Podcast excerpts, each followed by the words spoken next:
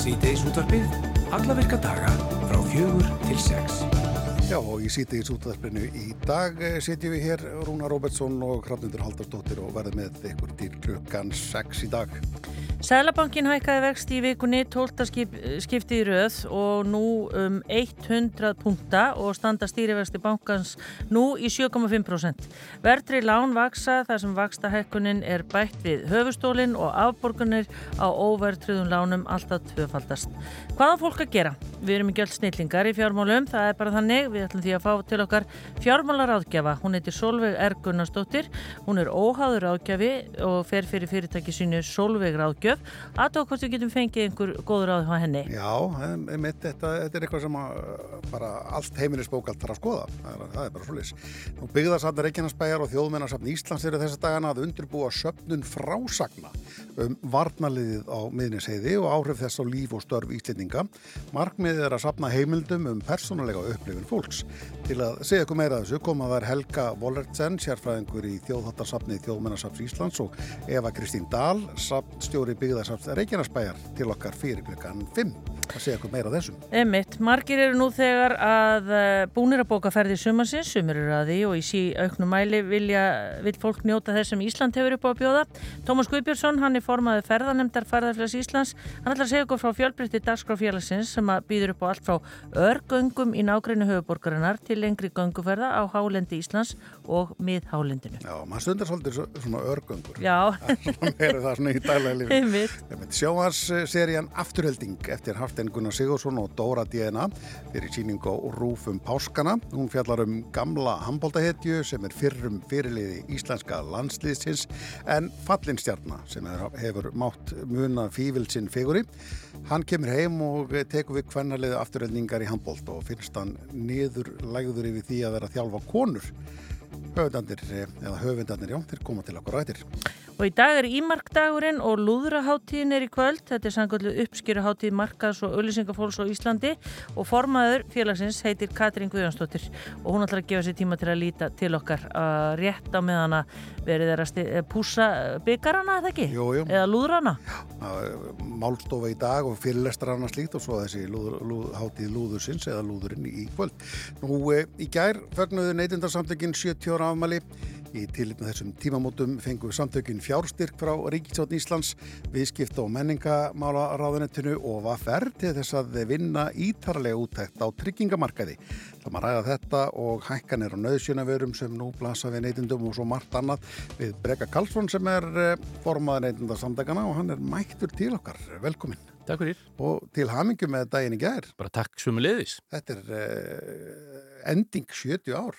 Já, neytendasamtökin voru hérna, eina fjórum fyrstu neytendasamtökum í heimi, eru líklega hérna, fjóruðu eldstu neytendasamtöku í heimi. Já. og hérna voru stopnið af, af mjög framsýnu fólki hérna, 1953 uh, og, og hérna það var bara ótrúlega framsýni að, að, að, hérna, á, á þeim tíma þegar að hérna neytendur voru uh, hver í sínu hodni en, en, en stóðu ekki saman. Já. og fyrstu málefni voru einmitt að, að, að hérna, ná samstöðum það að dag, fást dagstimpla á uh, kaffipoka.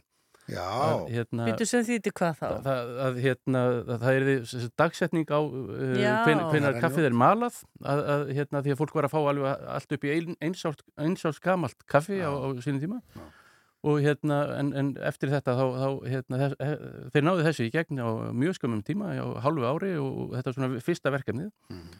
og verkefnið nummið tvö var svo að samræma opnunartíma verslana í Reykjavík sem var líka mikið barátumár sem við gerðum hérna, með verslunumanna í Reykjavík Já, ég tók eitthvað líka að þarna var, þetta var svo staðstór hópi fólks að stjórnir skipaði 25 manns. Já, þetta var á, hérna, á sínu tíma, þetta var hérna mikill fjöldi manna kom, og hvenna sem komi að, að, að, hérna, að þessu. Mm. En kannski forvíis maðurinn Sveitn Áskisson sem hérna, hagfræðingur og var hér í, á Rúf í, hérna, með vinsala spurningaþætti Já. hann var svona kannski hvað, aðal kvatamæðurinn að þessu og var svo formaður samtakana í, í 15 ár. Hann var með uh, fyrirlestra eða var með svona útvarserindi hér í oktober árið áður uh, og það sem hann kvatti til stopnunar og samtaka hérna, neytenda að, að hérna, þeir kemur nú saman eins og, eins og ja, hérna, forsvarsmenn fyrirtækja voru búin að mynda með sér samtök, hérna, verkaliðurinn var búin að mynda með sér samtök og, og þarna var stór hópur sem, sem ekki hérna, hafði neina málsvara og, og hérna, já og, og þarna 23. mars 1953 eh, var, voru samtökinn stofnið. En svo er oft sagt sko að við Íslandingar séum svo lélegi neytendur samt eru við þarna einhvern veginn svolítið bara í farabláti. Mm, já, ég, þetta, þessi mýta með, með lélega neytendur, ég hafnaði henni algjörlega og vísa, vísaði henni til föðurhúsana því að, að það var gerð rannsókn á vegum Európa-sambandsins fyrir þremur ára síðan sem sýnir það að íslenski neytendur eru næst bestu neytendur í Európu Það er að segja þeir vissu, uh, voru næst bestir eða vissu hva, hvert er átt að leita í, í vandræðum. Uh, traust til neytendasamtækjana er, er mjög og mikið og miklu meira heldur en annar staðar í, Evrópu. En vandin sem við kannski stöndum framifyrir er, er sá að, að hérna, við búum við, og ja, saga okkar er, er vörðuð eh, mikill í verbulgu sem, sem slæfir og eigðilegur raun og veru verðvitund og, og hérna síðan eru við náttúrulega mjög lítill markaður og, og, hér er fákeppni á flestum sviðum sem, sem þýðir það að, að þegar þeir líkar ekki einn maturuveslunin þá, þá er erfitt að, að fara eitthvað annað því að það eru kannski bara tvær eða þrjár maturukeðjur sem keppast um láguru, um láguruverð og hérna og, og þess vegna er erfitt fyrir okkur að, að, að kjósa með veskjunu eh, að, og að hætta að versla á einu stað því að það er ekki um auðvan garda greiðsja. Nei, maður fær svona frettir að þú talar um liðlega neytindur og þú tekur ekki undir það að maður svo horfa maður til Fraklands mm. og það verður eitthvað smá breyting á eitthvað og það verður allt brjálað. Hérna erum við að horfa upp á hækkanir, líku við sko Ég var nú bara að skoða blöndunantæki í eldúsi hjá mér sem að ég keipti fyrir tveimir ára notabenni það hefur hækkað um 15.000 og Sölumæðinu sagði mér, ég reynda bara á ári sagðan, frá því fyrra. Mm -hmm. þannig að það hefur allt rókið upp en við einhvern veginn bara svona kingum þessu. Eða hvað? Já, þú þart að fá þér vask eða, eða blöndunatæki þannig að við, við, það er nöðsinn við þurfum að kaupa okkur mat og drikk já, og, og, og þetta hefur allt hækkað og það er ekkit annað að leita.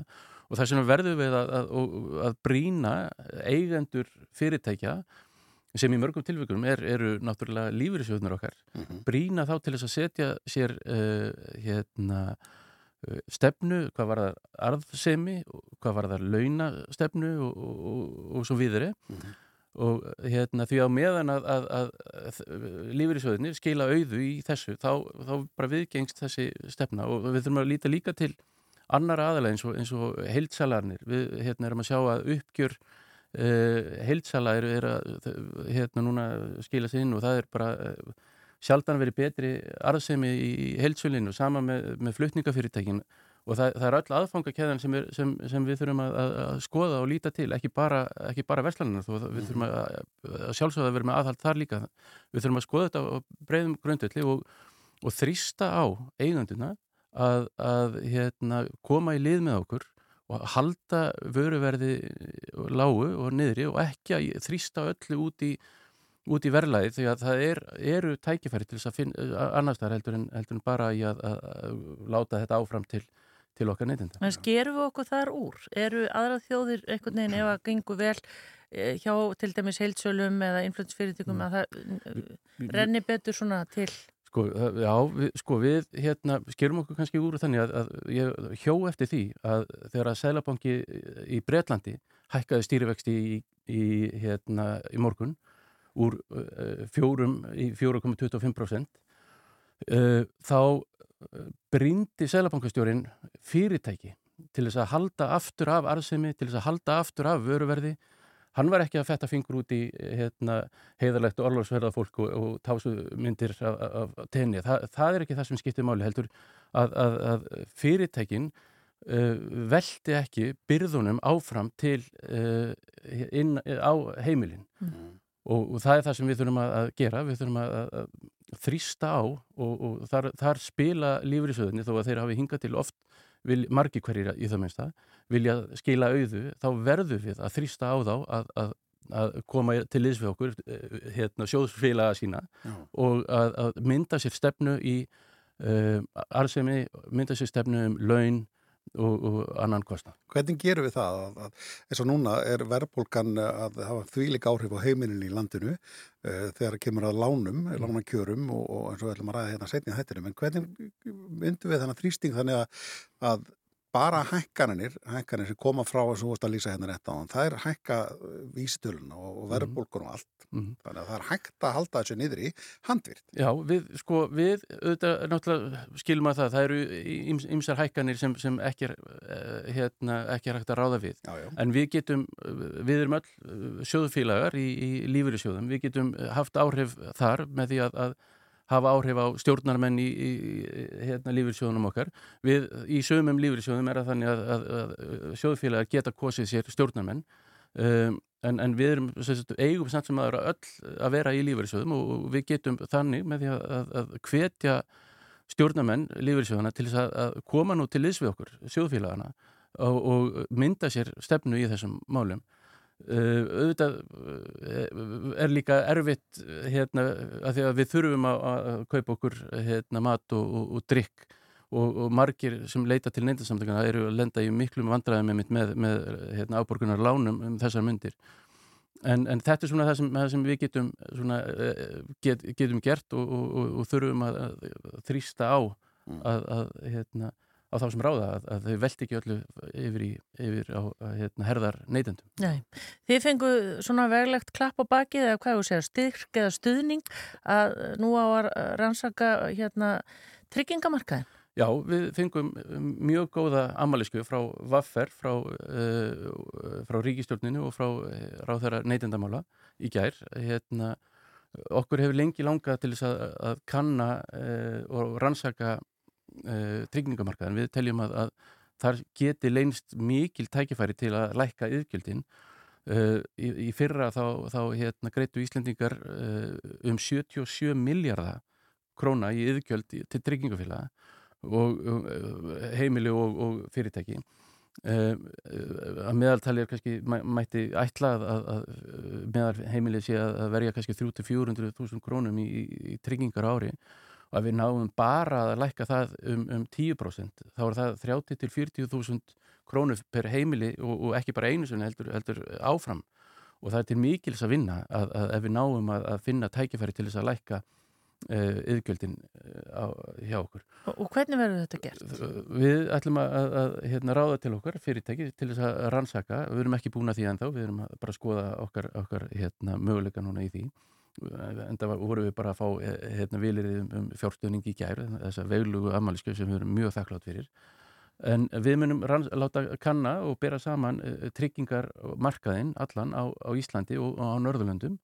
Uh, lagaumgjörðina rekstrarumhverfið uh, hérna, eigendastefnur matskerfið í örokkumálum og, og svo framvegis og finna þar hérna, tækifæri til að, að gera betur og, og, og vonandi til þess að, að lækka yðgjöldin fyrir okkur all. Já, er þetta ekki bara smæðmarkaðari sem veldur þessu?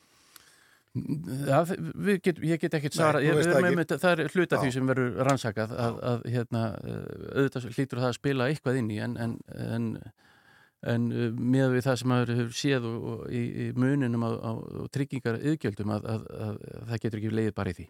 Nei, hvað fenguðu þið á hann styrk? Við fengum uh, samtals uh, hérna, um 10 miljónum krónar. Breki, þeir eru líka svona, hvað ég voru að segja, óskæfti stuðningi, bæði hérna, félagsmanna og bara almennings, því þið standi í ströngu. Já, við erum, uh, hérna, ég voru að segja, ekki inn í mörgum korfum. Við erum hérna, við að, að velja ja, fyrirtækjum undir aukum. Við erum, að, erum í, núna stundum í málaferðlum við bankana þrjá og, og hérna um uh, þar sem við teljum að, að lán með breytilegum vöxtum á Íslandi eins og þau eru framkvæmd og eins og skilbánlandir eru séu nánast bara öll lán séu hérna uh, ólögleg. Og einmitt í gæri var munlegun málflutningur fyrir eftadómstólunum sem á að veita hérastum í Reykjavíkur uh, ráðgjafandi álit uh, um það uh, hvað, hvernig ég að tólka uh, þessi ákvæði. Því að, því að hérna, íslensk lög eru innleiðing af, af Európulög lögum sem, sem hérna og, og þar, þar landu verður að taka miða af því hvernig, hvernig Európu domstólinn hérna, tólkar, e, tólkar, tólkar þau og, og, hérna, og eins og ég segi, sko, málflutningur uh, var í gerð, gekk mjög vel að sagna okkar, okkar manns þar og, og hérna, við erum bara hérna, já, mjög bjart sín með, með niðurstöðuna þar og vonum, vonum Hvað getur almenningu gert? Því, já, við, við hérna hvetjum alla til þess að skrá sig á, á vakstamálið.is vakstamalið.is að hérna fara þar inn og, og, og til þess að, að tryggja það að, að hérna kröfunar sem við teljum að geti með allt og allt hlaupið á miljónum króna uh, jafnvel 20 miljónum króna að, að, til þess að þær fyrnist ekki þá þarf að, að tryggja það að fólk slíti fyrningu og það, þar eru upplýsingar um það og, og það er hægt að skrá sig í uh, málið ja, og, og hérna taka það, þátt í málinu með okkur. En auðvitað þarf náttúrulega líka þá hvetjum við alla til að gerast félagsmenn í neytendarsamtökum að því að, að, að hérna, neytendarsamtökin þau eru borin uppi af félagsgjöldum og, og hérna, því fleiri félagsmenn þeim mun, hérna, öflugur í samtök því meira getur við gert. Og, og ég get lofað ykkur því að, að hérna, hver einasta eh, króna er, er vel, krónu er vel varið og við veltum öllum krónum fyrir okkur og hérna Uh, og nýtum hérna, uh, það fér sem okkur er treyst fyrir af, af félagsmönnum uh, afar vel og ég, og ég get sett okkur það að, að til dæmis er það eina sem ekki er, er tilsparað á, á skrifstofu neytundarsamtakana er, er vatnið í, í kaffið. Já, og það er bara ns.is, skráma sig þar? ns.is, það er hægt að skrá sig þar. Mm, frábært og, og um ekki að beða fólk með að kíkja þetta og fylgja eitthvað eftir, döga þessa tíu miljonir? Við erum vonust til þess að fá tværti þrjári viðbútt en, en hérna og, og, og fá fleiri úr launtegarhefingunni með okkur í, í, í lið já. og hérna og já, það bara skýrist á næstu dögum. Við náttúrulega förum samt sem öðru af stað með þetta og hérna sjáum hvað, sjáum hvað, hvað setur. Brekki Karlsson, takk fyrir komin á góða helgi. Bestu þakki sem við leys. Við erum Rástföð. Fyrst og fremst með þér.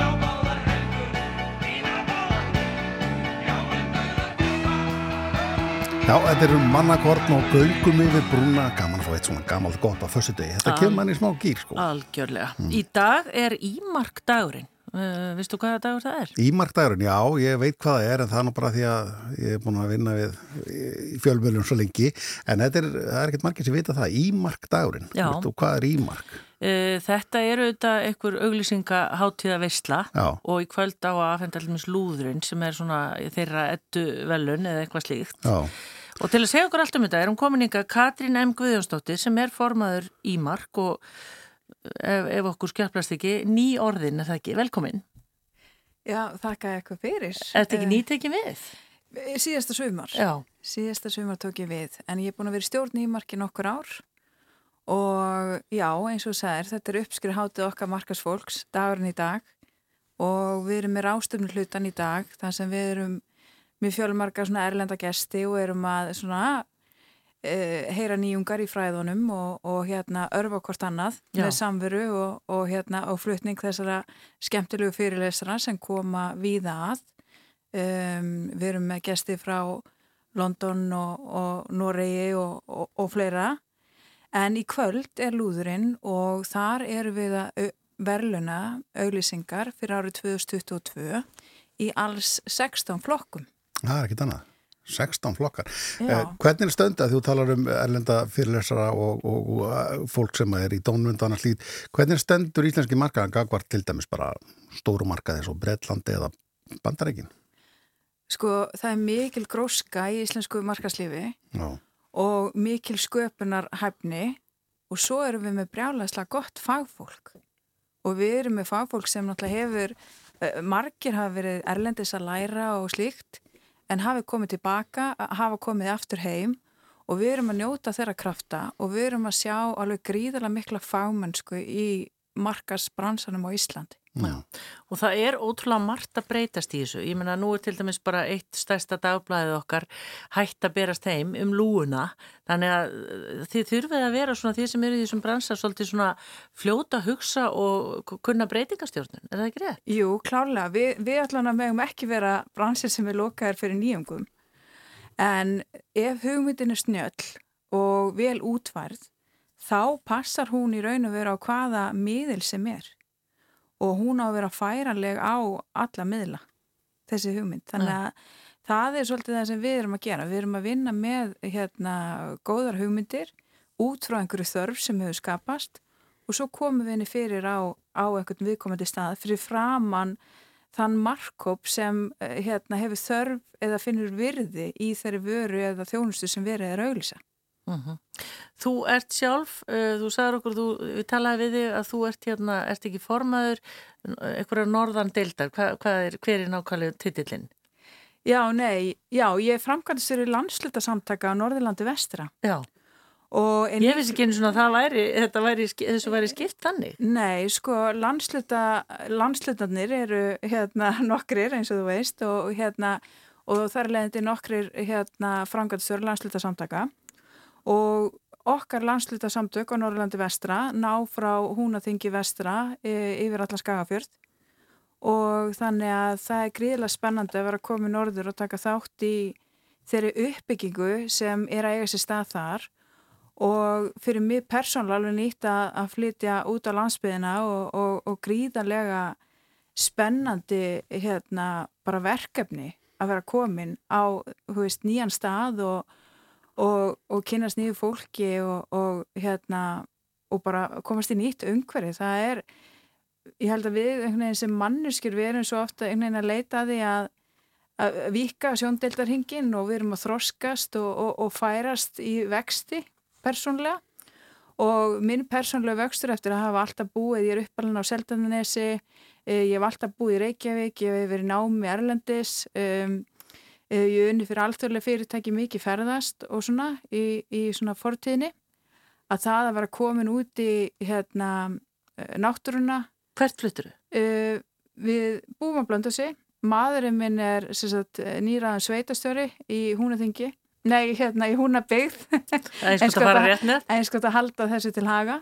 Hann er sérstætt blöndósingur og, og kemur þaðan og, og við svona við erum búin að vera par frá að við erum bara vorum börn og hérna þetta var svona í fyrstu bara grín. Og hérna ég sem sagt skoraði á hann þegar ég sá þessu auðlisingu að því ég veit að hann er mikla ást til, til upprunnas og hérna og svo þegar að hann reyði sér sem sveitastjóra þá sáum við auðlist starf hérna framkvæmdastjóra landslutasamtaka á Norrlandi vestra sem var akkurat. Og það var eiginlega veginn of uh, skrítin tilvílinn til þess að skoða það ekki.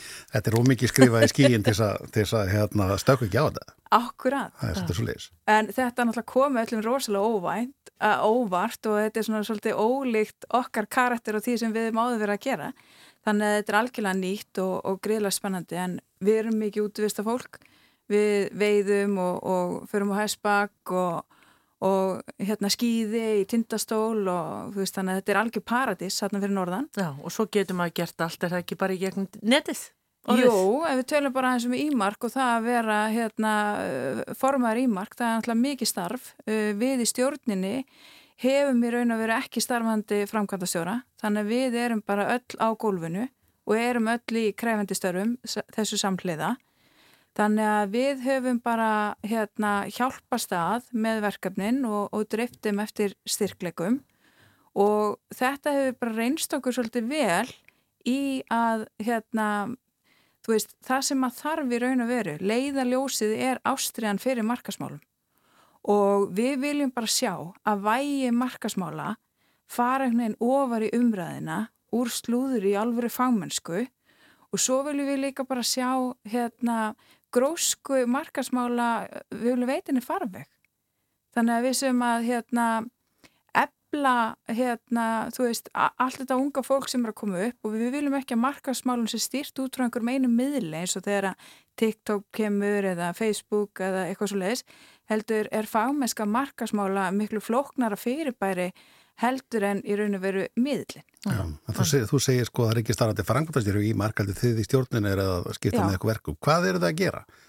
Hver hver sko, eru verkið? Uh, það er bara daglegur ekstur samtakana. Það er hérna og þjónusta við félagsmenn og svo er það viðbyrðarhald eins og til dæmis í dag. Ég menna það er náttúrulega rísastórt hérna Ég held að við hérna sopnum öll í sófanum og ég er ennþá stuttunum á bólunum og í stríaskonum og og var með pætóti út í bíl en ég hef bara ekki náðu lengra.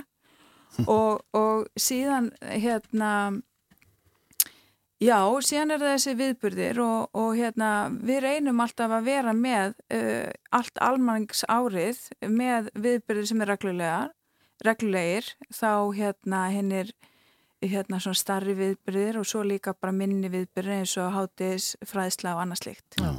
Þannig að það er spennandi bara framöndan og því ætlaði að byrja klokkan hálf sjö og eins og ég segja að ljóta margir að vera með í maðunum. Það er Fyrir lúður, lúðurinnum. Já, þetta er mikil eftirvænting Já. og hérna það er, hérna, það er mikil samkjafni í bransanum og svo er líka á svona degi þá er eiginlega bara kærleikurinn ofar öllu. Þá hérna þá erum við öll vinnir og, og hérna, öll í sumu tjörn og erum bara hérna, já, að hugsa um, um markasmálinn og erum að gleyðast saman sko. Er mikil samkettna milli aðila í bransanum? Það er, er hotsam, heilbrið samkeppni mm. en ef eitthvað er þess eðlis að það þarf að hjálpa stað þá gerum við það eins og með ennþá starri verkefni og annað, við fáum erlend verkefni og annað þannig að hérna Samgefnin er góð. Samgefnin er að henni góða og það er bara svona, allir maður segja ekki bara svona keppnisandi í þessari samgefni. Og, já, hérna, já. Já. Þetta er í hugsko velunafending lúðusins þar sem að, að markarsfólk klæði sig upp og þetta er svo hálfgerð óskarsvelun fyrir, fyrir hérna markarsfólk þá vonum við að það gerist ekki saman ykkur í kvöld og hjá, í óskatum í fyrra þegar einhver fekk álúðurinn en ekki að fá lúðurinn Svo maður leikir sér með það orð. Akkurat, akkurat. Þetta hefur nú stundu verið tæft. er það? Já, þú veist, það eru tilnefningar já. og þú kannski trúir því að þú sérst að fara að fá lúður. Já, þú og svo færðu ekki já. og þú ert ósamála að niðurstöðinni. Þannig það er, er hérna það? mikil tilfinningasemi og, en fólki vil taka sér eins og fólk og, og fólk samglest með fólki. Já. En hérna og, og þú verður að vera góður tapara eins og þú verður góður vinnir og það er þetta ekki alltaf, eða tökum poljónan á þetta að vera bara í flokknum, tilnendur Já, það er aðalmálið. Það er heiðurinn. Já, er besta. það. Ha, það, það er það. það. er í alvörinu þannig að því að það var svo mikið innsend efni, það voru 400 innsendingar í ár. Og í fyrstu umferð þá var hver og einn dómari, við vorum 11 manna dómnend og hver og einn dómari þurfti að skanna alveg gríðalega mikið efni sem fóð svo yfir í þá umferð nummið 2 og það að vera tilnæmdu til lúðus, það er í alvörinu eins og að vinna. Já. Það er ótrúlega mikið gott efni sem komst ekki áfram nýja fekk tilnæmningu. Fáum að vita því kvöld hverjir bera þarna sigur og bítur en til, bítum en til hamingi bara allir sem eru tilnæmdir og bara til hamingi með daginn. Katrín Guðarstóndi formaður Ímark og bara takk fyrir komin og takk fyrir að gefa þið tíma í stregaskonum og hérna árum verður pæja hérna að fara í partíð og eftir. Aðeinslegt, kæra þakkir. Rástfö Við erum Rástvö I'm ready to let you go Won't hold you back no more And God spread your wings and fly away. And carrying you way too long Like an obsession. I thought you were a living part of me But I got my power in my hand. You hold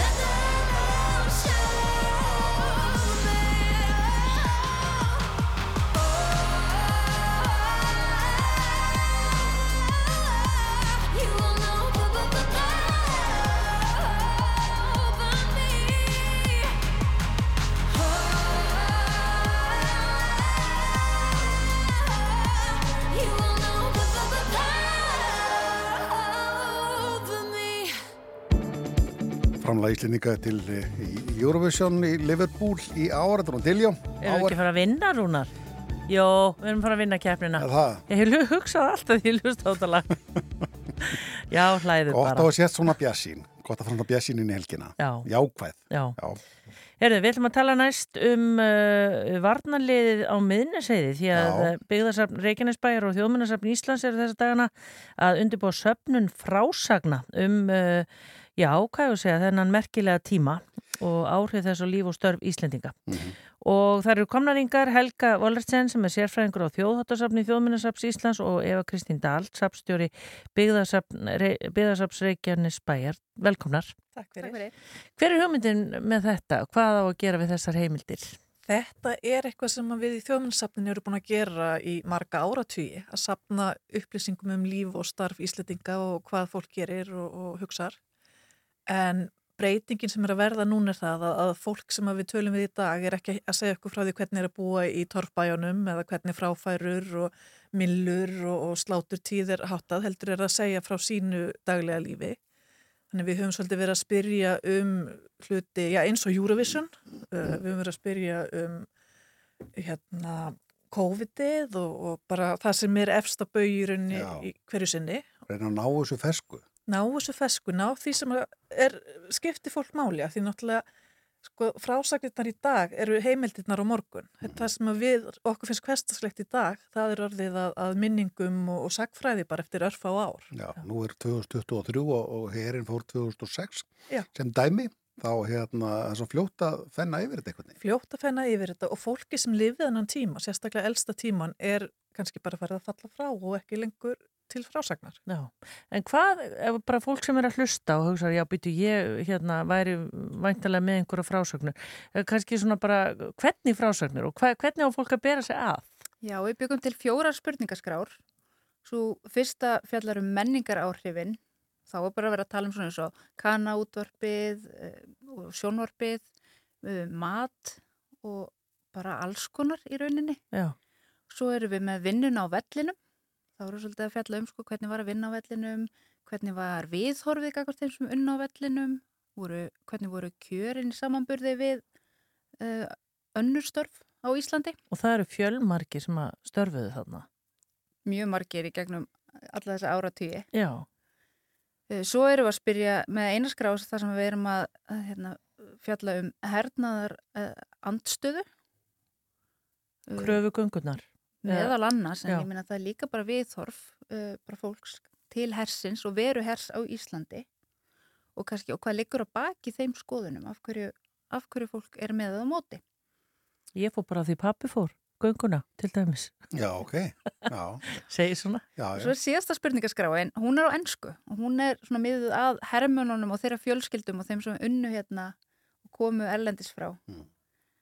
Og, hérna, og við erum svona einmitt að vonast til að fá svolítið að svörum frá þeim líka. Og breytist þetta náttúrulega með tímanum. Eldstu frásagnar eru öðru sem þær sem eru yngri. Ég man eftir að hafa hýtt uh, Hermann í bandarækjanum, eldri mann sem hafi verið hérna millir, millir 60 og 70 og talaði um Guðsvolaða Keflavík því það var alltaf rókatna og þeir mátti ekki fara út af vellinum þannig að tímaðina breytti svo svakalega mikið sko. Hann var, hann var svo ásóttur að hafa verið hérna, svo aðri sem að elska að hafa verið hérna. Já, þetta tímabil er nefnilega alls ekki einsleitt. Nei. Já, við þekkjum nú bara Íslandsögun, þetta er mjög miklu breytinga tímar. Það er ekki það sama hvort þú ertu miðja 2000-veldina eða upphefðu 2001. Nei, ég mynd. En er þið líka safna myndum og svona, eða hvernig? Það er ekki kannski tilgangurinn með þessari söpnun, en aftur á móti er byggðarsafn Reykjanesbæðar með mjög stórt ljósmyndasafn og, og við tökum þetta við uh, ljósmyndum ef okkur eru, eru bóðunar þær. Já, ummitt. Bara svo við skiljum þetta helga hérna bara fyrir komandi kynnslóðir. Í hvernig formi kemur þetta svo frá ykkur? Ég menna verður þetta bara svona eins og uh, bók sem við getum lesið um þennan tíma eða? Nei, við erum miklu nútímalegri. Þetta er alltaf á netinu. við setjum svörum spurningaskránum á netið. Þetta er hægt að nálgast þetta sarpur.is, bæði skrárnar og svörin og í rauninni eru við búin að slá allt inn frá 1960 sem spurt hefur, verið um. Þannig að þetta er leitabært, þetta er, er auðvelt aðgengi að þessu. Þetta er nafnlust á netinu. Uh, ef fólk kýst þá getur við vista nöfnin hjá okkur en, en annars þá er þetta, erum við með kyn og fæðingar ári yfirleitt skráð þannig að það er svona hægt að sjá cirka hvað, hver, hvers konar mannes getur. Já. En uh, þetta er mikið notað af öllum mögulegu fólki, bæði fræðimönnum, nefendum, uh, áhuga fólki sem er að skrifa bækur um hvað eina. Þannig að, að við reynum að byrta þetta jafnóðu með að svona kannski fyrir þjóðminnarsafni sem er 160 ára, þá er jafnóðum svona innan 20 ára. Já, já, ummitt. En, eh, sko, maður ætlar að segja ykkur á sögur og það, þá er ekki svo að ég bara sendi inn einhverja rítgerð, það er akkur, ak akkurat verið að svara spurningum frá okkur. Þið er að spyrjum ákveðin atriði. Við spyrjum um ákveðin atriði en það er meira til þess að leiðbenna fólki og koma fólki á Já. stað. Þetta eru opna spurningar og ef að við reynum að spyrja alltaf í lokin sko, ef, ef það er eitthvað sem að vantar eða þið finnst að þurft að koma fram endilega Já. bætti þið við að því að, að það er alltaf eitthvað sem okkur þetta er ekki huga að spyrja um Já, og svo en auðvitað engin kvöð að svara öllum spurningum. Nei. Það er bara að þú svara því sem að þér finnst þú hafa eitthvað frá, þar sem þér finnst þú hafa frá einhverju að segja. Já. Þannig að þú ferð sem sagt inn á sarpur.is og Smetti þar á þjóðhætti. Já, þar eru þjóðhættir, ég er hérna inn á síðun ykkar og það er náttúrulega ímislegt þarna sem við erum að leita eftir en þetta átak, hvert sem sagt vinnan á, á, á vellinum og þessu eh, veru hersins, hvað stendur þetta lengi? Er þetta eitthvað svona sérstakt? Við, við ætlum að hafa þetta opið allavega í ár Já. uh, og reyna að fá sem fjölbreytastar og, og flestar svona sk- frásagnir inn á þeim tíma. Já. Þú ætlar að nýta þetta síðan? Já, ég, við byggðisarmi Reykjanesbæðir ætlum að opna nýja grunnsýningu árið 2025. Fengum hérna stóran styrkursafna sjóðu til þess og ég vonast til þess að þarna komi kannski fram einhverjar skemmtilegar frásagnir sem hægt verði að nýta í, í sýningunum því að það er náttúrulega frásagnir og svona persónleg upplifun. Þetta er það sem að hérna, tengir okkur svolítið saman, þetta er það sem fólk hefur gaman af, þessar svona upplifun. Já, Rúnar, þú varst með sögu, er það ekki? Þú varst að spila eða leika allt öru sér leiki við eh, krakkana sem að voru bönn hermana eða hvað? Já, Sem ég- dæmi, ma þú maður gætir- er náttúrulega mjög lítar af þessu uppeldi og þessu, þessu nánd við, við herin á sín tíma, bæði líka þegar hermenn byggu í bænum, Já. ekki allir fyrir ofan, ofan gerðingu. En hvað myndið þú til mig sem ætlar að setja einhverja litla lýsingu bara frá því þú varst að leika þér sem lítill strákur? Það er bara aksjón kallar einhverjir held ég, sveimi þá sem fengust ekki á Íslandi og eitthvað svona skilurðu, sem að En þetta, þetta á alveg vel heima, þarna. Þetta er nefnilega algjörlega heima í, í þessari söfnun. Já. Og þetta er nefnilega þessar, það sem við erum að leita stað, það er svolítið svona persónlegu upplifun fólks. Því Mm. að það er til fullt af svona formlegum heimildum um þennan tíma. Já. En við viljum fá það ná því fram hvað fólk eiginlega fannst um þennan tíma og svona persónlegur upplifun. Já, það er mitt frá minni kynslu og maður fór upp á keflagflugall í svo kallar trick or treat sem var á Halloween. Og hérna maður var það ungur að maður skildi ekki hvað orðið eða hvað þessi orð þittu trick or treat. Og svo var spurt, var maður stundu sagt við mann þegar maður fretti eftir á þá sett hvað um eitthvað trikk og þá stóð maður bara að horfið og sagði bara aftur trick or treat, hildi bara frá nammi.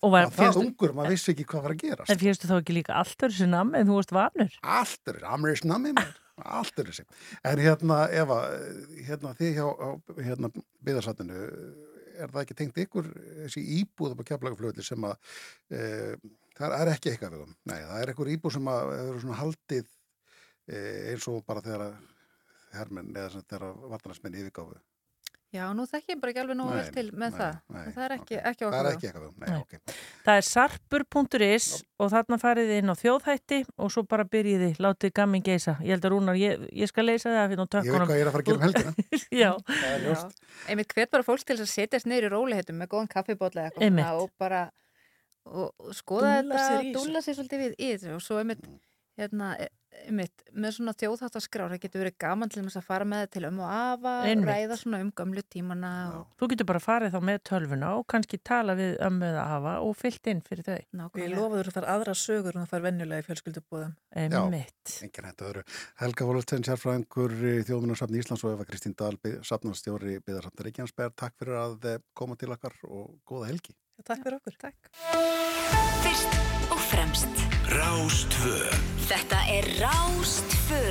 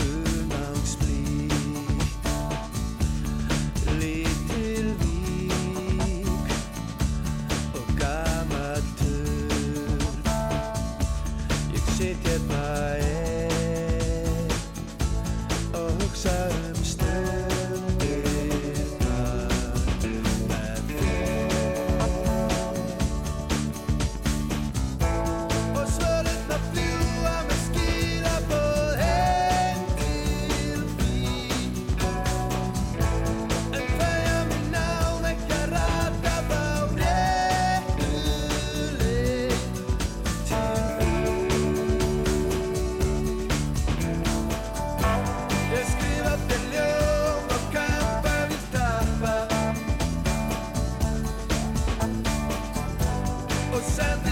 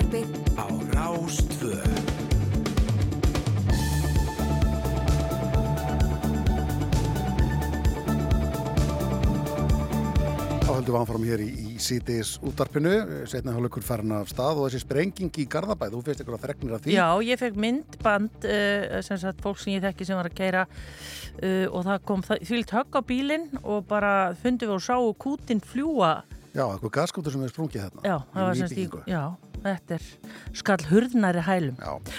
Erðu, en við ætlum að tala um sjónastætti sem verður síndir hérna hjá okkur á RÚF uh, um páskana. Þeir heita Aftur Elding og uh, höfundarnir eru hinga komnir. Hafstedt Gunnar Sigursson og Dóri DNA, velkomnir. Takk fyrir. Takk að ekki alveg. Það er nú trailer í gangi þar sem að svona aðeins er gefið í skinn uh, um hvað þetta er en, en segi þið okkur. Það er nú líka held ég stærri trailer á, á leiðinni hérna í frumsýningu um helgina hérna á Rúf. Nú, spennu. Mm Og uh, já, hvað er í gangi í þáttunum? Það er sko, þetta heitir Afturelding. Við vitum náttúrulega að það er Íþróttafélagið í Mosó. Já. Og hvað? Já, þetta fjallar um uh, gamla þjóðhetju, uh, gamlan landslýs fyrirliða, Skarpiðin heitir hann, Já. sem að, já, hann svona má munna sinn fífilfeguri og, og daldi síðan að glæstum ferli lauk og, og hann er ekkit í sérstaklega góðum málum þegar við kynnumst honum og uh, honum er bóðið starf hjá uppeldisfélaginu sem er afturhelding í Moselsbæ, þjálfara starf og hann er svona, jú, neðist til að taka við því. Ekki spenntur að fara aftur í boltan en svo rennur það upp fyrir honum að þeir eru að bjóða hann um kvennaliðið og það er algjörlega fyrir neðan hans virðingu og hann langar allra helst að ganga burt en, en neðist til að taka við þessu liði Svona pógrunna gamli vanskili hefur eins og maður Já. slettir sko. Já. Já, og já. þetta er svona fjallar um hans l- svona uh, leið til að endurheimta mannorðið og, og, og svona glæsta tíma en líka um hérna uh, leikmenn í liðinu það eru tveir, tveir hérna uh, stórar kvennpersonur sem að hérna eru svona já Þau deila þessu svolítið sín á milli, þessari sögu. Já. En þetta er svona, já, svolítið, ef, ef við að hraðsjóða, svolítið svona saga um að við tökum eitthvað af þessum svona hetjum nýjunda áratugurins og þetta þarf, er ekki handbólti, þetta getur verið hvaða leikari eða hetja nýjunda áratugurins sem er. Og svona svolítið plöntumenni fyrir framann svona nútíma konur og, og, og, og svona sérstaklega eftir eftir svona, eh, þegar við ko- svona eftir Me Too Einmitt. samfélagið Mhm. svona hvað gerist sko og þetta er ekki bara þetta er líka svona tilrönd til þess að stinga upp á sáttaleið og, og svo leiðis Er þetta, kemur þetta á þínum kolli, Dóri? Við hatti hittumst í, í partí eins og svo oft verður og, og bara söðumst báðir vilja ge- gera eitthvað um handbolta, við værum skotnir í því Já. og svo eiginlega bara settistu við og, og, og, og, þetta, og spunnum þetta bara eins og, eins og sko þráð einhvern veginn. Þannig að, þannig að þetta er algjörlega okkar og, og svo þegar við vorum kannski odnir uppurnir þá leituðum við annað, við fengum höfunda með okkur. Við fengum hérna uh, byrjum á því að fá hérna Jósu og Jörund. Og Jörund Ragnarsson Já. sem sátu með okkur í marga mánuði og, og hugsaðum þetta og, og svo setna meir kom Katrín Björgvinsdóttir sem er ung inn í þetta og svona þetta búið að vera í þróun lengi og við erum búin að leifa mörgum að lesa og kommenta og hafa áhrif og, og svo höfum við náttúrulega einfallega bara þurft að elda líka svona það sem gerist í samfélaginu náttúrulega, það er svolítið annað samfélag sem var hérna fyrir sjö árum Já, og þetta gerist í sem sagt Mosó, þess vegna spurði ég hvort að þið varu vinir, ég veit náttúrulega ekkert hvort þið eru jafn gamlir eða hvað, maður veit ekki hvað fólk er gamalt í þetta, það eru bara allir eitthvað jafn Við erum gamlir. ekki gamlir, sko. Nei, þeir eru mjög ungir en, en af hverju afturhelding? Þetta er náttúrulega þitt svona, þú varst náttúrulega í boltanum, í DN, er það ekki? Jú, jú, jú, við vorum báðir í handbólta sko. Ekki saman, Nei. Ekki saman. Sigurlegi. en, en. Hatti, þú varst ekki afturheldingu? Nei, nei, ég er úr litla skerju Já, var í val þannig að Dóri fekk að ráða þarna. Nei, nei, nei, nei, nei, nei. En af hverju er þetta þarna? Af því að það bara, það, við höfum aldrei séð Mósfellsbæ notað sem sögusvið í sjómarpi eða kvikmynd, jú, kemur aðeins uh, við sögu í Karlakorn Karl- Heklu, en það á að vera Hveragerði, held ég. lítið líti brot uh, en, en öðru liti ekki þannig að þetta var svona pínu óblæður akkur og uh, Þetta er svona pínu sveit. pínu sveit en samt í borg og, en, en hefur þetta svona smábæjar eh, sko, hérna, element og þetta er líka bara einhvern veginn svona á, skemmtilegt svona sjónrænt svolítið svona að er hérna, geggjum náttúra sem er opbóðslega mikla nærveru og svo svona misfallega byggingar og, og svona þetta Svona umferðamannvirki svolítið að því, Já. að því er náttúrulega þjóðvegurinn liggur hann í gegn Já, þannig að þetta er svona ge- gefur, gefur þáttaröðinni svona mjög sterkan hérna, karakter í raun og veru En er þetta gaman þetta röð eða drama? Bæði. Þetta er, þetta er bæði. Þetta Já, ég held að þ- þetta er náttúrulega bara frásögna fólki og hún er mjög fyndin á köflum og mjög dramatísk á köflum. Já, já, og mjög kritisk líka og uh, þetta hefur svona, já, einmitt þetta er, þetta er ekkit eitt, þetta er þetta er aldrei margt í einu og, og hérna, ég ætla nú bara heila að segja það fullum fetum að þetta sé best skrifaða íslenska sjónstæðartaröð sem hefur verið sett á skjá fólks hér á landi. Já. Bara svona hóvar. Já, ég ætla bara að gera það. Bara hóvar. Og, bara, og, ég, og, og, fólk getur það bara að skora með hólm. Já, já, er ekki en, en hún fekk sko en, en, en það er ekki endla því við erum svo klókir heldur sko það hafa margir komið að þessu þetta hefur fengið þetta Langan er- tíma til að gerjast Þetta hefur endurskrifað 1920 sinnum skilur. En er það ekki bara frábært? Það er bara eins og, eins og gerist erlendis en yfirleitt er bara ekki til peninga fyrir þessu og það var ekki til peninga fyrir þessu núna við gerðum þetta allt frítt sko Já. Þannig Og- að bara njóti vel. Já. Njóti vel Bara aðeins að leikurinn, Já. það er yngvar sem leikur þjálfaran Já. og Sveppi er Aðstofað þjálfari. Já, Já, en, en svona aðalpersonar eru yngvar sem leikur Skarpíðin Karlsson fyrir um handbólta hetju sem Mhm. mann sem fjúlfeguri Mhm. það er Svandís uh, Dóra Einarsdóttir sem leikur uh, Brynju Bjarnadóttir sem er svona já, svona uh, landsliðskona á sínu síðasta ári kannski í atvinnumennskunni Mhm. og, og, og svo er það Saga Garastóttir sem leikur uh, Heklu Rúnadóttir sem er svona skittan svolítið skitta sem fær óvænt tækifæri Mhm. Já. Og svo er hann að Þorsteinn Bakmann í mjög stóru hlutverki. mjög stóru hlutverki, Steinun Ólína í mjög stóru hlutverki þetta er Kjell, Sveppi Sveppi, Steindi, Aron Móla Mhm. það er Geggjað allir kast. og, og sko, við náttúrulega þurftum að fara í gríðarlega mikla rannsónavinnu og tala við handbóltakonur þvers og kruss og, og, og, og svona og þetta átti uppalega, þú veist, þetta gæti gerst í hvaða íþrótt sem er, í hvaða bæjarfélagi sem er en okkur fannst bara íþróttarhefingin þar sem svona kannski eldri menn er að vasast í lífi ungra kvenna mikið og, og með öllum sínum stælum og, og, og dikturum. Okkur fannst þetta kannski svolítið svona mjög tákgrænt Þannig að það er enginn sem á eftir að horfa á þetta og segja ætli þetta sé mig Nei, Sko- alls ekki, alls ekki en auðvitað vorum við að sækja í alls konar Og- sögur og, við sækjum í all ef, ef það hefur verið í fréttunum og verið í handbólta þá er það eitthvað stæður í seríunni bara treystu því sko Er þetta, er þetta stór serið? Margir þettir? átta, Átta þættir. þetta er 45 minúta sko að þetta er, Þetta er epík sko þetta er já. já. kanturinn sko Já. en, en, en náttúrulega svo er það náttúrulega líka bara mjög mikið af hlutum sem gerast í seríunni hafa bara verið í fjölmjölum undarfarið sko. Vá, þetta áttur að reyfa við Já, já, algjörlega. Og við einhvern veginn, þú veist, völdum þetta sögusveið en í raun og verið til þess að speikla samfélagið einhvern veginn, við erum að reyna að segja stærri sögu í gegnum þennan litla heim sem að við erum að skapa. Þetta verður frumsyndu páskana og hvað þá, hvernig, hvað margir þættir? Áttastykki áttastykki, Einn á viku, á akkurat. sunnundaskvöldum og bara hérna hlökkum til. Bara poppiði Já, Er það Fá okkur páska Já, eða því. Spennandi og til hamingi með þetta. Aftur elding sem sagt, fyrsti Mhm. þátturinn er þá, hvað? Páska sunnudag Páska sunnudag Er það ekki? Gerist Ég ekki betra. það, Já, Hvað þetta læga? Að þér? Að mér? Já, búið að segja þetta allt saman. Nei, hann sögður ekki sunnudag, sögðum páskana. Næ, út af næðin sko. Páskadagur er alltaf á sunnudugum Já, páskadagur er Já, Og svo er bara er líka- stemningin, þú veist, afturrætning var að vera byggamestari, Já. við vorum hangandi í þessu íþróttahúsi í þrjá mánuði, þú veist, mósfellingar voru svo kurtisir og skemmtileg við okkur, það var svo mikil fyrirferð á okkur og ég lakk þakklætti til þeirra. þakklænt til mósfellinga Algjörlega. og bara býðið bara.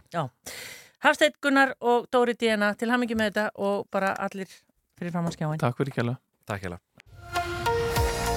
Rástfö Fyrst og fremst. Við erum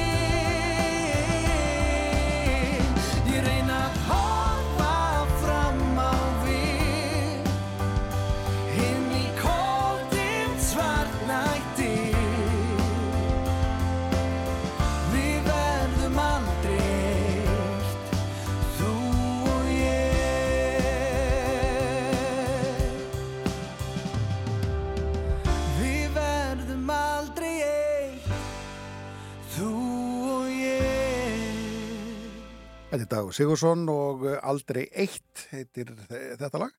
Lótt lag hérna hjá honum en áfram höldum við hér í síti í súttarpina. Föstu dagur í dag Já. og uh, margir auðvitað hvað að gera um helgina en svo eru fjöldin þetta fólki fyrir að spáði hvað að gera í sumar. Ummitt, ég ætla nú bara rétt að geta þess að það er opið í bláfyllin fyrir þá sem ætla kannski bara, er ekki búin að plana hvað ætla að gera fram á kvöldi og byrja nýju. Já, það er ok. alls ekki kallt en það er allavega bara nýju eða tíu liftur opnar Já. Og hérna um að gera að nota þessa síðustu daga og vonandi bara verða páskarnir í lagi fyrir þá sem vilja njóta skíðana og það er ekki bara í bláfyllum heldur allandið opið viða. En við ætlum að tala um sumarið vegna þess að uh, rak og fjörur okkar uh, ferðaplanið hjá Ferðarfélag Íslands og eitt þeirra sem að kemur að uh, félaginu er Tómas Guðbjörnsson, leknir, hann er formaður ferðanemdar Ferðarfélagsins, velkomin. Takk fyrir. Það er hérna, er það ekki alltaf fleiri og fleiri sem bara vilja vera á Íslandi á sumrin? Jú, náttúrulega COVID eh, hérna var okkur gjöfult þó að það sé kannski skrítið að segja í ferðarfélaginu og fleiri sem að, að bjóða upp á ferðir á Ísland vegna þess að þá fór fólk að ferðast innanlands og uppgöta Ísland þannig að og við erum ennþá svolítið að, að surfa á þeirri bylgju uh, að þeirri öldu þannig að það er bara rosalega góð þáttaka í ferðir og, og við erum líka bara á fullu stími í félaginu. Við erum að bjóða núna upp á í þessari áallum sem þú minnst á yfir, 100 ferðir. Og þetta er ekki bara sumarið, þetta er líka vorið. Það er hérna, helmikið eftir að vetrinum að þetta er búið að vera alltaf erfið tíð frá áramótum hvað skíðaferðina mínar og Salome Hattfræsdóttur varðar. Já, bara ofkallt eða... og, það, og eins og núna við ætlum að fara á morgun á Snæfellsjökul en frá dagverðar á sem er aldrei svona öðruvísi leið. En það er bara vandar í fyrsta lagi snjó og svo er bara alltaf mikill ís uppi á fjallinu. Það er bara uh, hættulegt svona fyrir hópa. Já. en við býðum aðeins eftir uh, alltaf kom ekki eitthvað páskarhettur og snjór og, og svo hérna fer snjórinn að bráðnæs og verður svona mýgri og við erum að fara á austfyrði, við ætlum að ganga á Hólmatind og Snæfell í svona austfæra veislu, það er ennþá einhver sæti laust og það sé nánast fullbóka en síðan eru ferðir til dæmis í skíðaprogramminu í Kjellingafell, við ætlum að fara á Kvannadarsnjúk sem er alveg gríðalega gaman að skíða niður frá toppi og uh, þannig að og svo erum er við að fara líka við ég og Salome í, í hverkveld í sumar eins og vennilega Já, en þegar allir mis fólk skráir sér í svona ferð, eins og svona fjallaskiðaferð, Já. verður þið ekki að hérna, vera þess fullis að fólk kunni eitthvað á skíði? Jú, það er svona kemur Hann fram- kannski, Já. leikilatriði. Jú, og við ætlumst til þess líka að fólk hérna hafi einhverja reynslu af fjallaskíðin en ef að fólk kann á skíði þá er það bísna fljótt að ná tökunum á sem það er ekki skynst að fara í svona ferð sem fyrstu ferð þess vegna vorum við um daginn að bjóða upp að ferða bláfell sem við erum því miður að fell út og við verið líka með svona byrjandarnámskeið í bláfellum og við ætlum að reyna að koma þeim á koppinu það er bara þessi ótíð hefur gert okkur erfitt fyrir Já. En, en sem betur fer er það þannig að þetta er fyrir þá sem eru góður að skýðum eins og þú þá er maður mjög fljótur að ná tökum á fjallaskýðinu en þetta eru svona ákveðin trikk sem er ágætt að læra.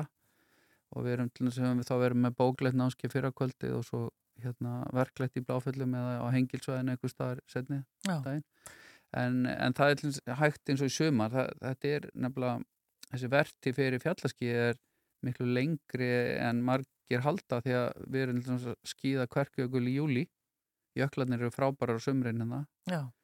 Þetta Og- er sem sagt skíðakablin af þessu, en, en svo bara göngunar og við vorum að Já. sjá hérna, er, veist, er alltaf verið að finna nýjar leiðir? Veist, er, og við reynum alveg að gera í því að bæta alltaf við hverju einasta ári einhver nýju, svona einhver nýju spennandi. Og þetta er um 100 ferðir og, og hérna af þeim eru næstu 40 svona sömulegisferðir sem er það fleiri dagur en það eru líka dagsferðir og svo eru Örgöngunar hans Rúnar. Já, Rúnar er hrifin af örgöngunum og, og, og þær hafa slegið í gegn.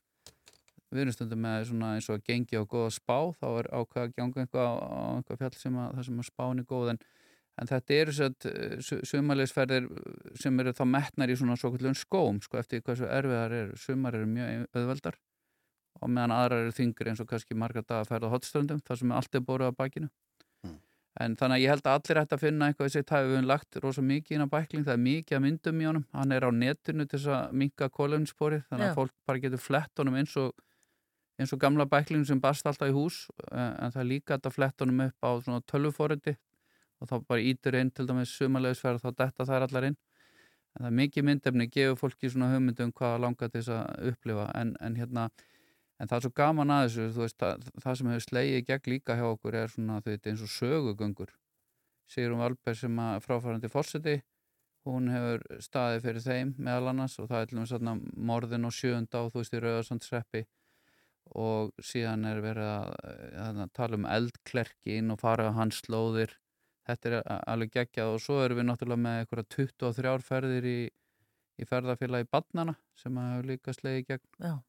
Það er nú alltaf svona aðeins gustað um ferðarfélagi, það var nú verið að kjósa núna nýja stjórn, er einhvern veginn allt komið í svona... Já, já, ég, þetta síðasta ár var mjög erfitt og, og, og það bara var virkilega erfitt en, en, en hérna það hefur virkilega svona uh, það hor, horfir vel og við áttum, vorum með aðalfundun daginn og það var bara frábær aðalfundur sjaldan verið mætt svona vel.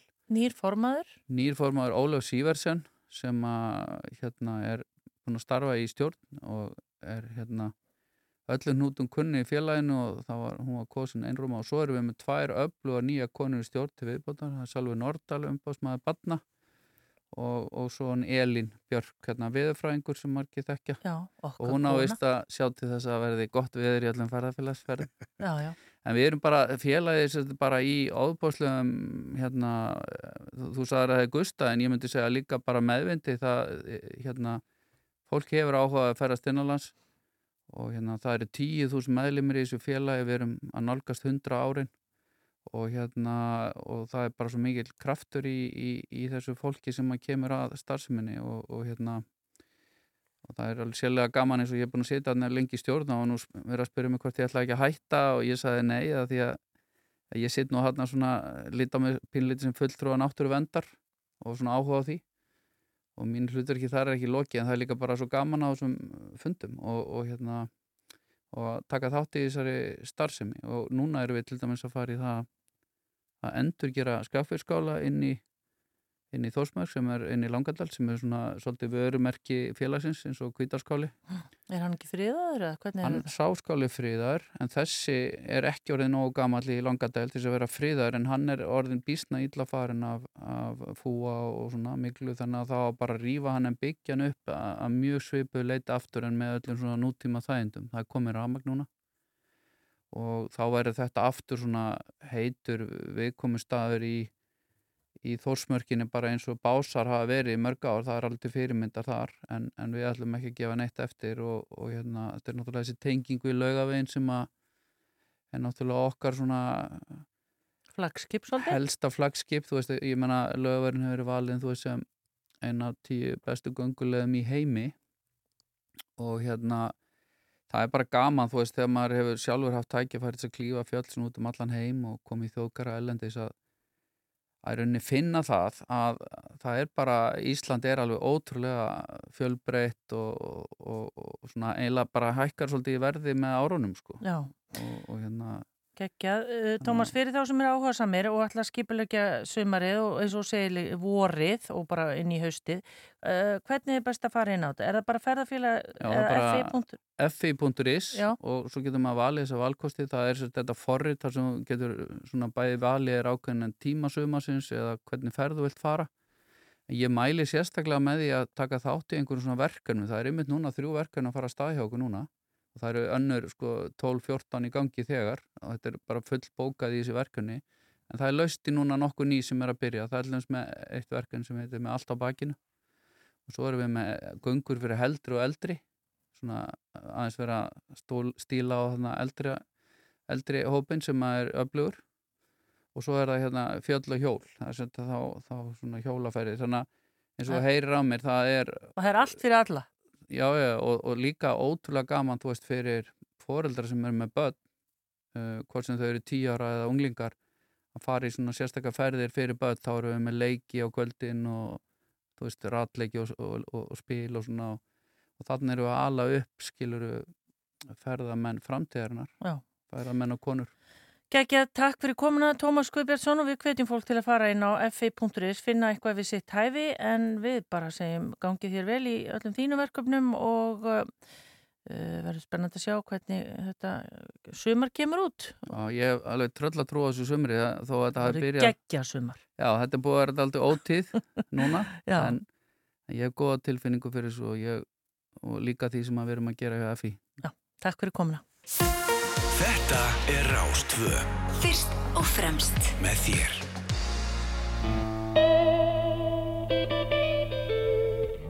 Það er komið að veðrinu. Ágáð til eh, veðurs, eh, veðurhorfur eh, svona fyrir helgina, það er ágætt að sjá hvernig helgin lítur út fyrir okkur. Ó, veðurhorf- láttu hlína. Ah, eða ekki? Jó. Nei, veistu það, herðu, norðanátt, norðaustanátt, víða 8-13 metrar á sekundu, ég er norðan og austanlands en yfirleitt leskið um sönnanvert landið, norðaustan 5-10 á morgun, skíið með göblum og stöku jælinn þurft og bjart viður á suðvestanverðlandinu, frost 2-8 stig, sumstaðar frostlust síðra yfir hádægin. Mm. Já, já, já, og svo er austlag átt eh, í kortinu framöndan og víðar snjókomið í jél á sunnudag, þó síst um norðanvertlandi, kallt í veðri, norðaustlag átt á mánudagadal til jélinn, þurft og bjart sunnan heiða, austlag átt um miðjavíkuna, rigning eða snjókoma í flestum landslutum og hlínar heldur, einhvern tíminni næstu viku. Vá hvað þetta ætlar að verða lífseg þessi, þessi norðanátt og kuldi. Já, Ha? einhver sem bandaði þetta. Já, en þú varst með nýja fréttir af sprengingunni hann í Garabæ. Já, við náttúrulega fengum vegna því að uh, fólkbílar sem var að kera framhjá þessu þegar að uh, var bara sprenging og nötraði bílinn og, og uh, gaskútur sást fljúa langa leiðir og kannski gaskútar en vísir er með mynd hérna frá vettvangi þess sem að er sprungin svona gaskútur sem var svona góðsan gaskútur og hérna afturleri á Volvo XC90 í maski Vá. og lent þar á, það er sko að, að, fólk hafi gjörði fyrir þessu sem betur ja, við veitum ekki betur og betur fer vonandi ekki neins lýsa fólki. Ég spyr nú bara eins og vittlisingur, hvað er að gera með gaskúta í svona ný, nýbyggingum? Það er náttúrulega verið að eh, segja, leggja þagpappa og Já. þetta og annað slíkt. Þá þarf að nota slíkt. Úf. Hmm. Já, já, við bara vonum að þetta fari vel, það er ennþá eldur og það er nefnilega, má alls ekki hérna, vera eldur í þessum aðstæðum því að það er svo, allt svo þurrt eitthvað. Já. Hugsaðu, nú er bara, já, við sendum hvað, við vonandi fyrir þetta allt vel. Já, við vonum það, Já. sveimi þá. En við möttum að tala um vexti.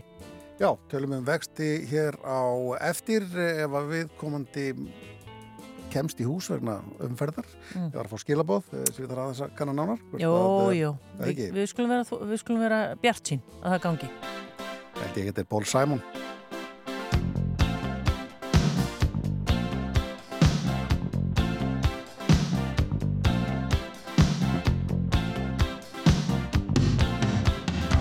A man walks down the street, he says, Why am I soft in the middle now? Why am I soft in the middle?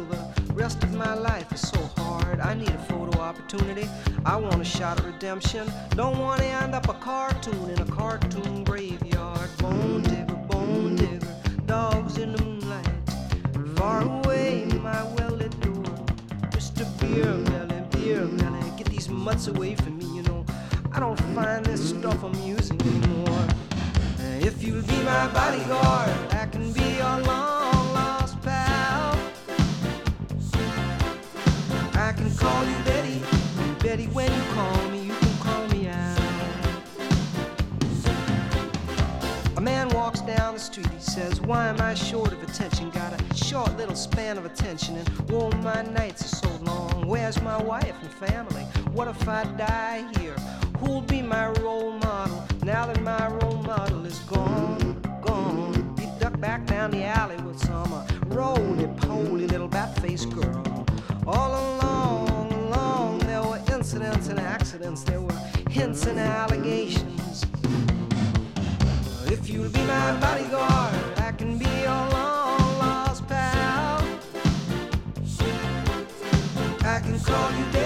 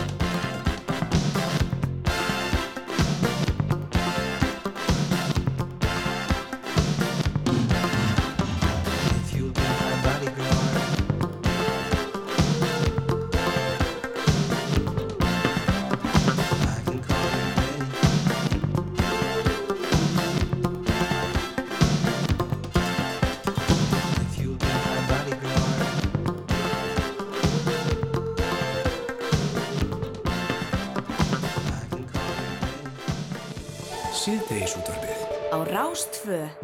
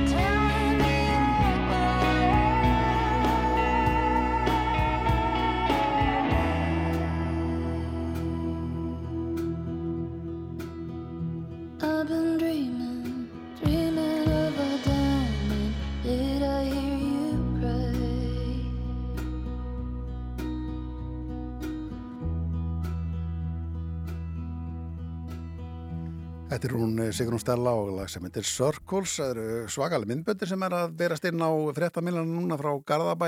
Já. Eh, eins og inn á vísi það sem að maður sér bara sem fólk eru að taka mynd á síma sinn út um gluggan heima á sér þegar reykurinn er ríkur og þækkin og svo verður bara svakalega sprenging. Já, þetta er ógulagt og hérna bara eins og ég segi við ítryggum það að við bara vonum að þetta að enginn hafi slasast, það er kannski Já. ekki allt komið í ljós þarna en, en bara vonum það, krossum Já. putta Krossum putta og e, vonum að, að, að e, þetta verði ekki, eins og segir, ekki verið að slýsa fólki eða, eða annars líkt en ég veistu maður að komast að einhverjir gestir á Gíslamartin Það er allavega Saga Garðars Ok. og Gunnar Nelson Já. og ég, hinn kemur eftir smá, ég er að reyna að leita hérna en allavega þessi tveir, Frikki Dór, syngur Ok. Og þannig að ég er svona, já, mun komið loka tölur hérna eftir smá Já, nákvæmlega. Ég ætla að taka eitt lag til viðbættar áður en að við förum í fjármálin og eh, fáum svona, eh, svona fjármála ráð frá henni Solveigu sem er eh, reyndar komin í stólinn en tölum við henni til smartund.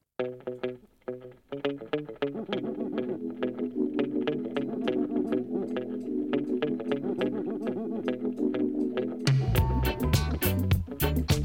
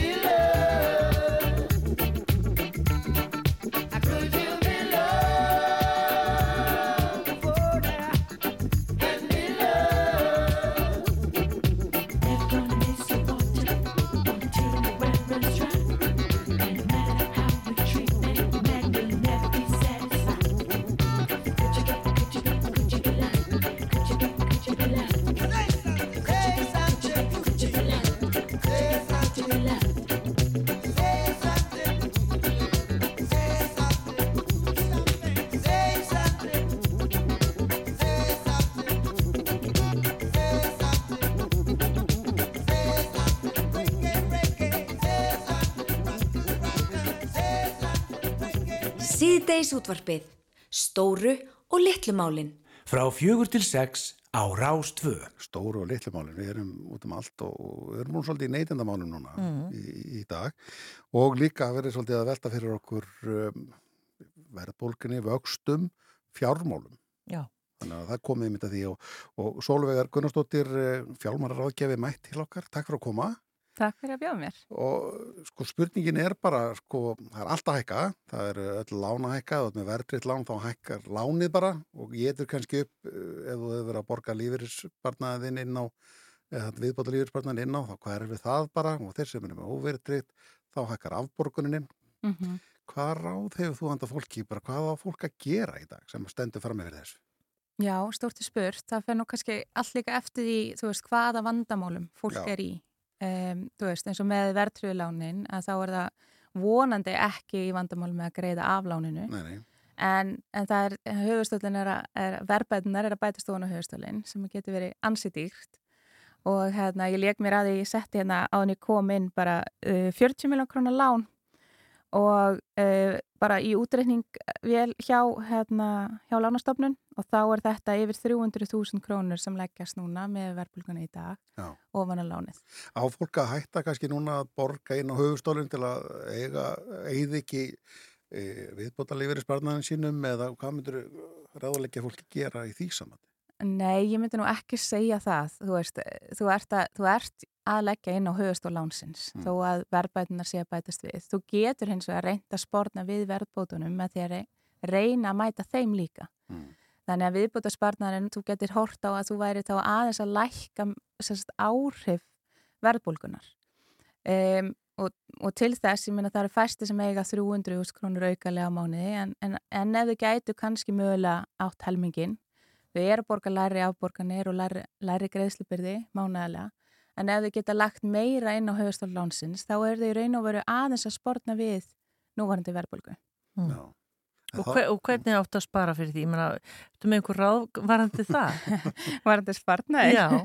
Já, það er bara, þú veist, þetta getur bara verið mjög, mjög erfitt en, en ég myndi að segja kannski að skamtímalánin eru kannski svona dýrust og kannski felast helst fyrir einstaklingunum. E, þú veist, húsnæðislánin er svo stór biti að við sjáum áhrifin þar í, í hérna, stærra formi en þú veist, skamtímalánin eru dýrari þannig að þið getið í raun og það er í raun og sparnar að reyna að greiða þau upp Já. með ykkur móti. Emmett. Og fara, í, fara bara beint í lánastofnunar sem þú hjá kannski og bara byggðum hjálp, bara hvað er að gera? Já, klárlega og það eru, eru valkostir í bóði. Um, þú veist, það fyrir náttúrulega allt eftir hvaða lán þú ert með en það eru nokkru valkostir í bóði. Það er náttúrulega hægt að lengja í láninu uh, og það er og veru þannig samkvæmt lögum að þá hérna, ef að greiðslubyrðin er læri eftir skilmánabreitingu ef þú ert með lán núna hjá, hjá hérna, lánastofnun Mm. eh, að ef þú vilt lækka greiðslubyrðina þá er og veru ekki hægt að neyta um það. Þannig að, að fólk getur og fengið skilmálabreitingu annarkort að lengi láninu, breyta því, það getur breytti að hluta í verðtrykt er með overtrykt þess að aðeins að sagt, mánalega greiðslubyrði og svo getur það, já, gert alveg yfir verðtrykt ef, ef að það er valkostu sem það vil fara í. En heldur að fólk gerir sér grein fyrir að það hafi þennan möguleika eða eigi þennan möguleika? Nei, að því það er svolítið nýtt að fólk hafi verið að- fara í endurfjármagnir. Já. Það er svona, já, það er, það er alls ekki vist að allir viti af því og viti heldur hvað aðri valkosti standa til bóða. Þannig að ég mæli alveg með að fara inn í bankan og aðtuga ef fólk er að sjá fram á mikil vandræði. Auðvitað er ekki hagstætt að vera með verðri lán í dag. E, það er rosalega mikil verðbólga og, og verðbætunar bætast þar yfir og ofan á höfustólinn. En við verðum samt að hugsa að þetta sé eitthvað ákveð tímabil og margir í dag er reyndar er verðtröðlánin bara 25 ára en óverðtröðlánin er 40 ára. Eftir 40 ár þá verð ég 76 ára. Ég er 35, 36 afsakið í dag. Þannig að, að þó að við skekkjum eitthvað tímabil á lána, á, að lána tímabilinu að þá er það ekkert þar með sagt að við meðum ekki laga það aftur þegar koma, þegar kemur betri tíð. Ja, þetta er náttúrulega líka spurningin um að, að lifa af þennan tíma. Eh, Þeir Já. sem eru með nýbúin að kaupa sér eitthvað eh, á síðustu árum eh, óvertryggt, en núna er verið einhvern veginn að vera þrýstöllum í vertryggt. Mhm. Eh, hérna, afborgunum hækkar jafnvel um 100% Einmitt. og það er ekkit svigurum í því hjá heimilum þannig að eh, einhvað verður svona fólk að berðast við núna. Já, algjörlega og þá mæl ég með að skoða hvaða valkostir er í bóði og það er líka, ég held að mjög svona grunar að þessi yngri hópur sé mestum vandræðum og uh, ef þau eru til dæmis í fæðingarólofi þá eru ýmsir valkostir með að fresta greiðslum á yfir það tímabil og ég mæli eindriði með ef fólk er ekki ná endum saman núna og, og einmitt, ef, ef að hérna, greiðsluböðin er búin að hækka um tvöfall að, að leita sér aðstór þá. Og það er þá frekar hægt að mæta þessum erfiða tíma setna í lífinu þegar þeir eru komin einhvern veginn aðeins betri stað og borga þá meira inn á. Mm. og það er óhagstætt að taka lán og það er áhætta en við verðum þá bara að horfa á að þetta sé tímabil sem að, að hérna, líður vonandi hraðar en, en, hérna, en, en verður eru glerfitt allan að út þetta ár ef ekki næsta líka Ámar reyna bara uh, staðgreið allt núna ekki vera að kaupa kannski eins og með mikið með nota kreditkorti eða svona, er það sparnaður til lengri tíma? 100% Já. mæli alltaf með því að, að reyna að greiða allt sem fyrst Já. Uh, Þetta, tín, þetta te- týnist til Já og þessi lán eru dýrustu lánin. Þannig að, að ef þið getið sparað hana, og beðið aðeins að þá, já, 100% mæli ég með því. Og það er, já, svona almennt líka betra fyrir e, bara svona lánsæfismat og annað. Kreditkort geta reyndar að þú greiðir allt á tíma þar, þá getur það hækka lánsæfismatið en svona mörg skamtíma lán e, lækka yfirleitt lánsæfismatið Já. Eh, þú talar eh, þú getur hérna svona inn á milli í setningunni er eitt til tvö ár erum við að horfa svo langt fram í tíma eða sko erum við að sjá fram á þe- þetta ástand svona í svona langa tíma? Sko vonandi eru já, vonandi eru 12 stýrivaksta hækkanir í röð nóg en hérna Saði ekki áskil það því að það var núna eh, heilt prósent sko. Já. Það væri vonandi nóg til að stöðva þetta. Einmitt. Já, þannig vonandi og vonandi fyrir við þá að sjá hana, að, að verðbólgan fari eitthvað að lækka. Mm. en ég held hún lækki ekkert jafn hratt þannig að þetta ár verður líklega erfitt og við erum bara, þú veist, við erum að sjá verðbólgu líka í Evrópu og það skilgreinist af miklu stærri þáttum sem við erum ekki að kljást við eins og hana, orkuþörf og annað. Og við erum bara að flytja inn svolítið þessa verðbólgu líka. Mhm. Þannig að þetta er ekki bara tenniferðinar vil ég meina en Nei, þetta er svona ekki. margþægt Já. og hérna, þannig að þú veist, ég, ég er ekkert bjart sín á að, að verðbólgan fari rosalega hratt niður á þessu ári e, mark með Sælabankans er að vera í 2,5% þannig að ég held að sé raunhafur að segja að við sjáum það eftir tvö ár en, hérna, en það er kannski bara varkarni í mér líka Já, já, já. Þetta er, er, hefur verið að ræða þetta á öllum heimilum, núna held ég að hljóti bara vera hvað, hvernig á að taka á þessu. Og það er eins og nefndir kannski tala bara við, við sína fjármálastofnun og bara hvað er hægt að gera til að komast yfir hennar skapl. Já, algjörlega. og bara skoða hvaða valkostur er í bóði Já. þú veist, ert í óvertröðu með 20 ár þá er hægt að fara í 40 ár. Og hérna, það er engin að segja að þú þurfur að vera með þetta lán svo næstu 40 ári Nei, það veist, það er hægt að bara komast yfir hennar kabla Já. Og, og svo er hægt að hérna, þú veist, svo þegar við komumst í draumastöðun að þessi 2,5% verbulga þá er hægt að bara leggja hressilega inn á láni Já. Ekki gera ekki neitt Er það? Nákvæmlega. Já, já, uh, þetta er, þetta er, uh, það verður hver að einn að, að, að skoða sín fjármál, þau verður eins og, þau ólíka og verður mörg vantarlega, en uh, Solveigar Gunnarsdóttir uh, hjá uh, Solveigar Ráðgjöf, takk fyrir að koma til okkar og aðeins að fara yfir þetta, ég held að hérsláttan hafi svona aðeins hegst svona fyrir helgina. Já, gott að fá þetta á fösti Takk fyrir komuna Takk fyrir mig Já, þá bara komið að uh, leiðalokum hjá okkur, Þarnildur. Já, ég er ekki ennþá búin að finna út hverju hver þriði gesturinn hjá hérna, Gísla Martini Þið finnið það bara inn á Já, rúf verður það gesta þraut þegar að fólk sestir fram að skjáin. Já, já, já, Hver já. er sá þriði? Já, er hún að þú ætlar að vera aftur með okkur á morgun eða ekki? Jú, ég verð hérna alli það ekki á morgun, eftir hátíðisvetti til fjögur, það var ég rúnar það ekki Einmitt. og svo er að sunnundastátturinn 24, eitís skotin mikið til. Já, svo verðum við aftur hér í sítæðisúttarpinu á mánudaginn og, og uh, það bara verður gaman að koma með eitthvað alveg glænýtt þá. Já, við séum bara góða helgi, njótið helgarinnar og uh, að reyna að hafa neins áækjulegs og hættir. Já, og það er munlægi held ég. Eða það ekki? Jú, ég held. já, já, lægir allstaðar á öllum vikstöðum. Uh, gott að, eh, að vera með ykkur í, dag. Takk fyrir uh, að hlusta.